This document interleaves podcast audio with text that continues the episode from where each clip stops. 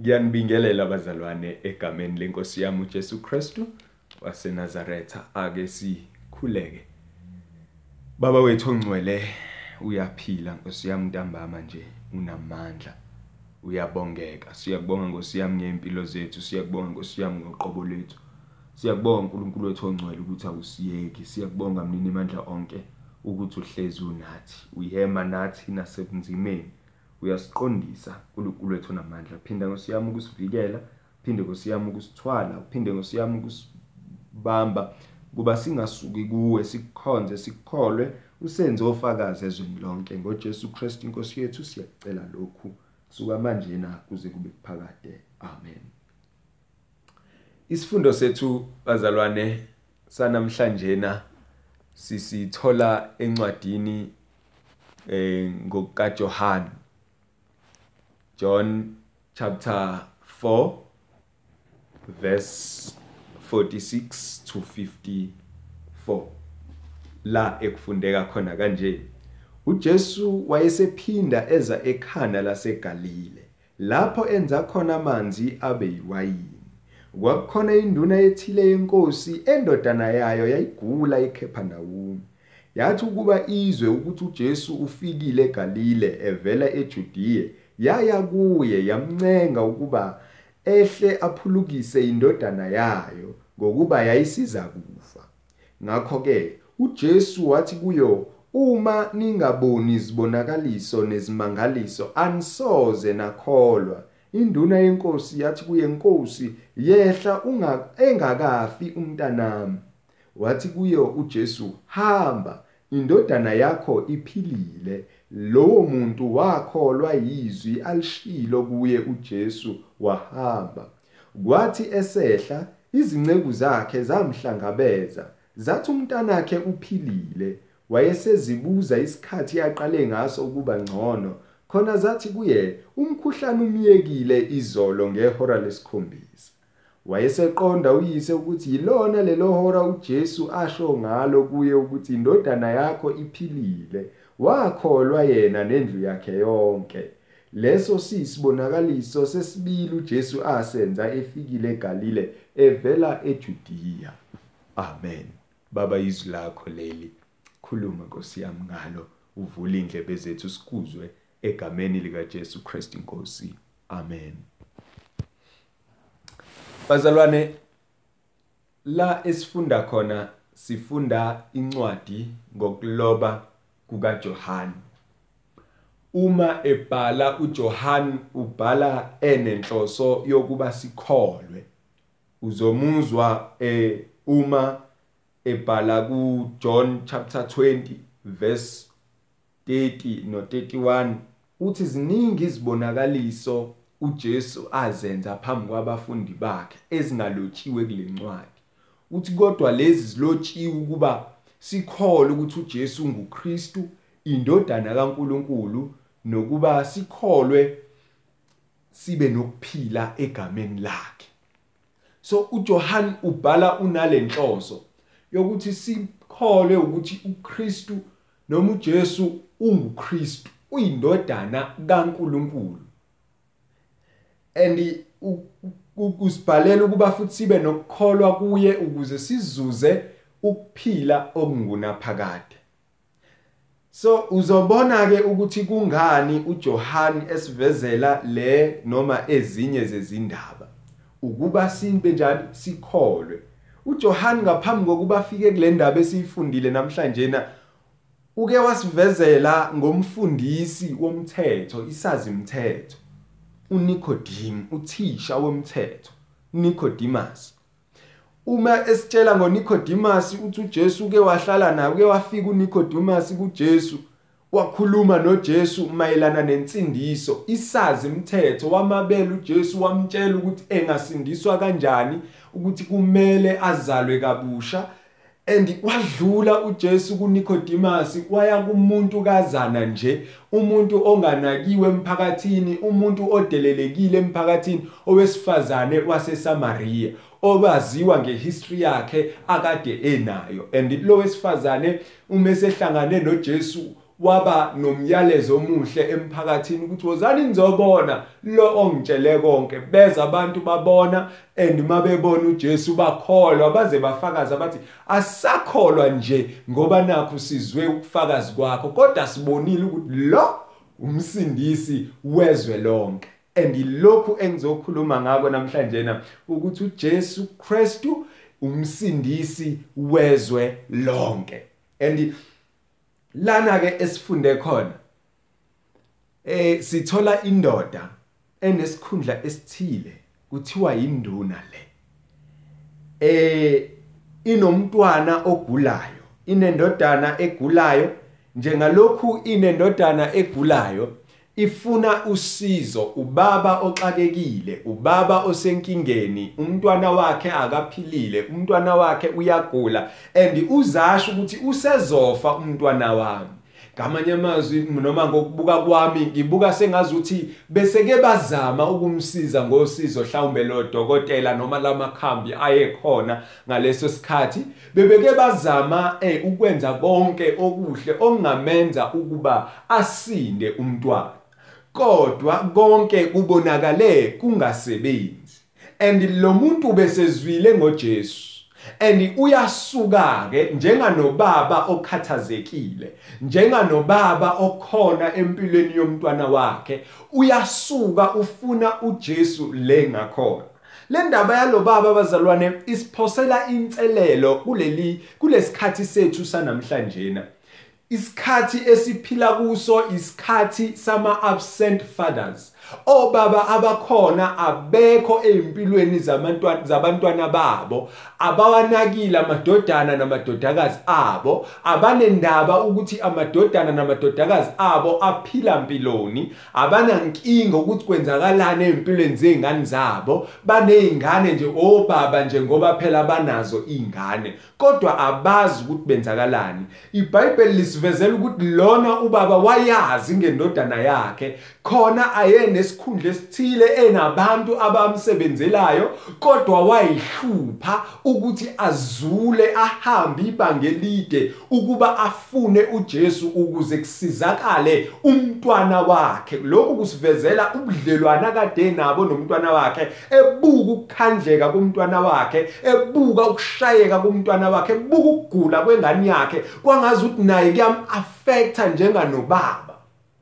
And kuthi angithi mina namhlanje na engathi inkosi ngasiza isivusele obaba abaqotho obaba abangcono hayi obaba abafe bephila khona ingane noma khona amadodana namadodakazi anobaba kodwa ngazi ukuthi bafile ngoba they are absent in their lives. Abekho. Abazi ukuthi ingane zabo zidlani abazi ukuthi ingane zabo zigqokani abazi ukuthi abantwana babo bafundaphi abazi abantwana babo ukuthi bahlaselekile noma abazi lutho ngeingane zabo. Kodwa lo baba nkosiyami wayazi ngendodana yakhe ukuthi ayiphilile.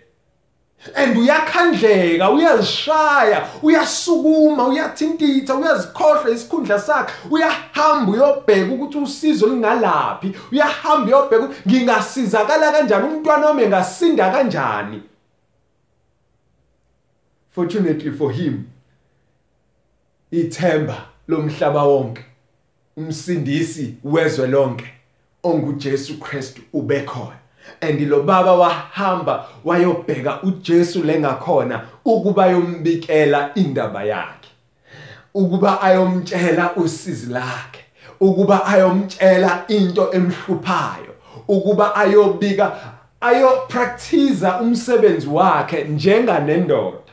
Bazalwane indoda ngokweBhayibheli ibekwa as a head of a family.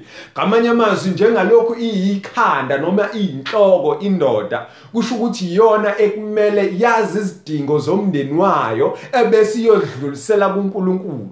And lo baba ke wenza njalo ke wazi idingo zomndeni wakhe wazi idingo zomntanakhe. Umntanakhe udinga ukusinda and lo baba akekho ready ukulahlekelwa umntwana wakhe. Uya kuJesu uyobika indaba yakhe. Siyami siphile esikhathini esinzima. Inkinga zemizi yobaba bethi inzima. Obaba bakulesikhathi baneyinkinga ababhekene nazo kodwa bengifisa namhlanje ukubakhumbuza ukuthi iposition yabo isekhanda bayizinhloko zemndeni yabo bayakwazi ukufinyelela kuKristu uqobo labo bayakwazi ukuya kuKristu. Angisho ukuthi kuya obaba kuphela kodwa sonke siyakwazi ukuya. Kodwa futhi kunale kunale lento le evelayo lana lo baba lona wathatha initiative wathatha igranti lokuthi no ngubaba angikwazi ukuthula kunenkinga kanjena kwami. Wahamba wayolwela inkinga ekhona. And namhlanje na sibuka ingane zingena kwidakamizwa beyidinga obaba abazothatha lenkinga yezidakamizwa bayise kuKristu sinenkinga yezingane ezizi involve ebugebengwini hawo nkosiyami bedinga obaba abazothatha izingane zabo bazise kuKristu. Sinenkinga yokuthi kunamantombazana amancane lana adlwengulawo ashaywayo. Bedinga obaba abazothatha izingane zabo bayithwale nangemkhuleko bazise kuKristu for iprotection. And uma bekungavuka labo baba abazoma isibindi baye kuKristu bekungancipha izenzo zenkohlakalo ezigcwele kulelizwe ngoba ikakhulu zenziwa abantu besilisa and abahobaba. Ngobani? They are absent. Abazi ukuthi yini ingane. Abazi ukuthi kumele bazikhulise kanjani izingane zabo. Abanabo lobudlelwane nezingane zabo. Le ndoda yathi nesikhundla enaso yashiya yakhohlwa isona yanaka ukuthi umntwana waso uya umntwana wakhe uya uyagula ukhandlekile ushayekile wasukuma wayofuna usizo wayobika indaba yakhe. Wayobika indaba yakhe. Akayibiki nje komakhelwane akayibiki nje ezinyangeni akayibiki nje kubantu akayibiki kwihlobo zakhe akayibiki kubangani akabiki kubaphathi akabiki kubantu basemsebenzi no ubika kumsizi okuyena yena uJesu Kristu oyindodana kaNkuluNkulu. Uyahamba uya kuJesu uyamncenga ukuba ehle aphulukise indodana yayo. iBhayibheli liveza kanjalo lithi uyamncenga uyamncenga uyamcela. Umuntu ke ocelayo akakhombi umuntu oncengayo akadictate kodwa umuntu oncengayo uyazehlisa. Uyasho bandla nginenkinga. Ngihluphekile ngicela ungenzele ukuthi. Akavela athi hamba ongenzele ukuthi. And lo baba usivezela ewubaba eyinhloko enesikhundla anaso usivezela lokho power of humility uyazehlisa. Uya kuJesu. Uunderstanda ukuthi lona ubani. Yacela ngiphulukisele indodana yami. Iyagula. Ishayekile uyamncenga uthi ehle ungiphulukisele indodana yami ngokuba seyizokufa. And lo baba akekho ready ukulahlekela le ndodana yakhe. But abantu obaba banamhlanje nabe bezokubona lokhu na? Obaba banamhlanje nabe bezobona yini? Abantu banamhlanje nabe basibona yini isidingo sokuba sezimpilweni zabo? Zebazi ukuthi kwenzakalani? Zebazi idingo zengane zabo. Abantu namhlanje bazazi yini idingo zengane zabo zamadodana namadodakazi abo? Hayi kuphela obaba ngisho nabazali bayazazi yini abesifazane? Bayazazi yini idingo zabantwana babo? Hello? Uyazehlisa? Mesefikile kuJesu. Mesefikile kuJesu the savior of the world. uJesu umphulukisi wezwe lonke ufike ubeka indaba yakhe. Wangikhumbuza omunye uJobe athi mina bengiyakumfuna uNkulunkulu kuye bengiyakuyibika indaba yami. Bazalwane this is it. Awumyalezo wami osuku ukuthi uJesu umsizi wezwe lonke and njengalokhu ewumsizi wezwe lonke iyakuye uphethe izinkinga zakho. Iyakuye uphethe izinto ezikhathazayo. Iyakuye uphethe lonke uhlobo lenkinga obhekene nayo. Iyakuye njenganomuntu omaziyo ukuthi ulithemba lakho. Iyakuye njenganomuntu omaziyo ukuthi uyakwazi ukushintsha imvelo. Imvelo kade sithi bese kuzokwenzeka ukuthi kodwa uyakwazi ukushintsha isimo uma ethanda. Iyakuye njenganenkosi umbikele inkinga yakho mtshele lokho okukhathazayo mtshele lokho okukuhluphayo mtshele lokho okufiphalisa inyama yakho lokho okukhathazayo lokho okuhlukumeza umoya wakho mtshele lokho okuhlukanisa umndeni wakho mtshele lokhu okukuhlukumeza nsuku zonke lokho okukuzacisayo lokho okukwenza ukuthi ungasaphili impilo yakho kahle. Mtshele ukuthi uyahluleka mtshele ukuthi kwenzakalani. He needs to know you need to go to him and tell him ukuthi impilo yakhe ihlangahlangene you need to go to him and tell him ukuthi nkosi yami wena unamandla okushintsha lesimo ngiyahlupheka nkosi yami ngisize. Baba ngiyagulelwa nkosi yami ngisize. Baba i'm not safe nkosi yami ngisize. You can go to him. Umbikele indaba yakho. Ungaya kuye. Umbikele usizi lakho. Ungaya kuye. And unamandla okukusiza. Unamandla okukophula. Unamandla okukwenza lokhu. Ngegunya elikuye nangamandla wokuthi uwumsizi vele wezwe lonke phela this is what lo wesifazana waseSamaria kushilo.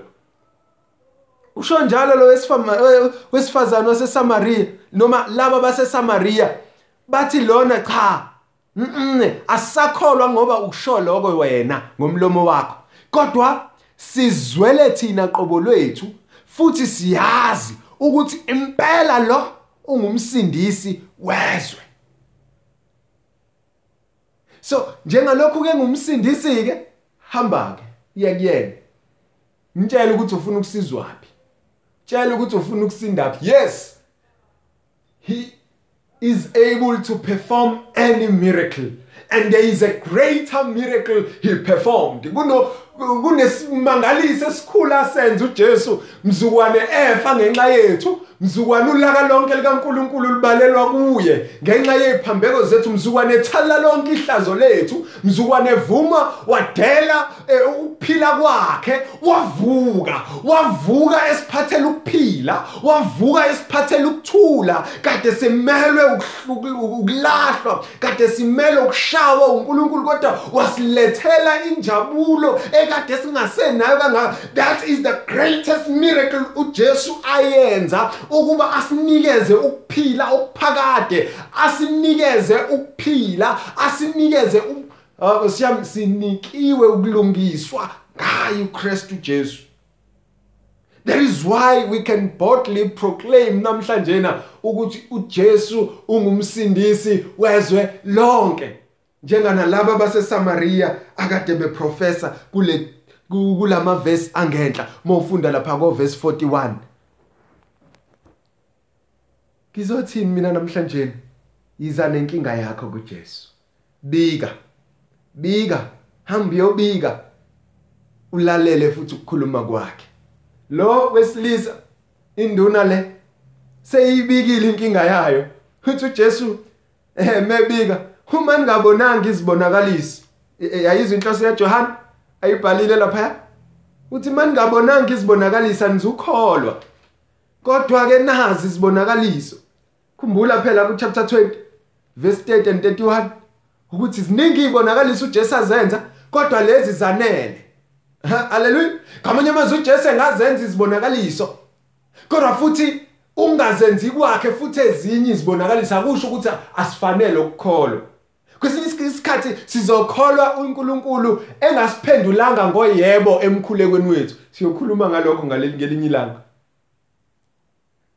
Kodwa uthi ke maningabonanga izibonakaliso ningekholwe. Induna yenkosi yathi kuye inkosi yehla engakafa umntanami.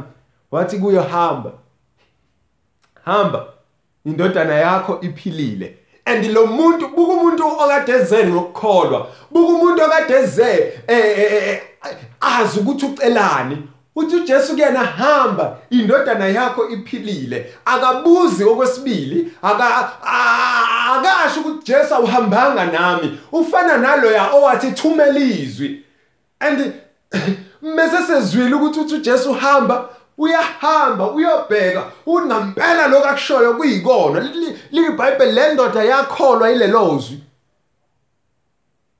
And uthe mesehla bahlangana naye ingceki zakhe. Ushiya ingceki ngemuva kathumeli zona ukuthi aziyohlangana noJesu. Kodwa mase buya selihlangana naye sesizomtshela ukuthi hey indodana yakho seyisindile. And yena ume responda kuloko kuzwa wakholwa nomndeni wakhe. Ngobani? He knew ukuthi ucelene enkosini and inkosi imnikile lokho ekuceli bangaki abantu namhlanje abacela izinto enkosini bazamkela kodwa bangabonga enkosini. Bangaka abantu abacele namhlanje izinto enkosini bazithola kodwa bahamba bobonga amadimoni bahamba bobonga amadlozi bahamba bobonga onkulunkuluwana bahamba bangaka abantu namhlanje na? Abanikezwa izinto nguNkulunkulu kodwa mase sebezitholile abangamrecognize iBhayibheli lendoda lokhu kwaba uqinisa kokholo lwayo yona nomndeni wayo yaphenduka yakholwa ngoba seyizwile ukuthi uJesu uyenzeleni.